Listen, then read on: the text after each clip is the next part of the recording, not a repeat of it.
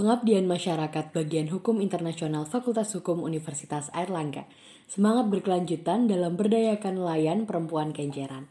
Dalam rangka mengamalkan aspek ketiga dari Tridharma Perguruan Tinggi, Bagian Hukum Internasional menggelar pengabdian masyarakat dengan target pemberdayaan nelayan-nelayan perempuan di wilayah tersebut. Beberapa kegiatan pemberdayaan ini adalah membuat produk pangan hasil olahan dari bahan perikanan, Beberapa contohnya adalah membuat abon lele, nugget lele, tahu bakso ikan, peyek jangkrik, dan sate jamur. Harapannya produk ini dapat dijual belikan oleh para nelayan perempuan tersebut. Selain itu juga ada pemberdayaan sektor unit usaha simpan pinjam.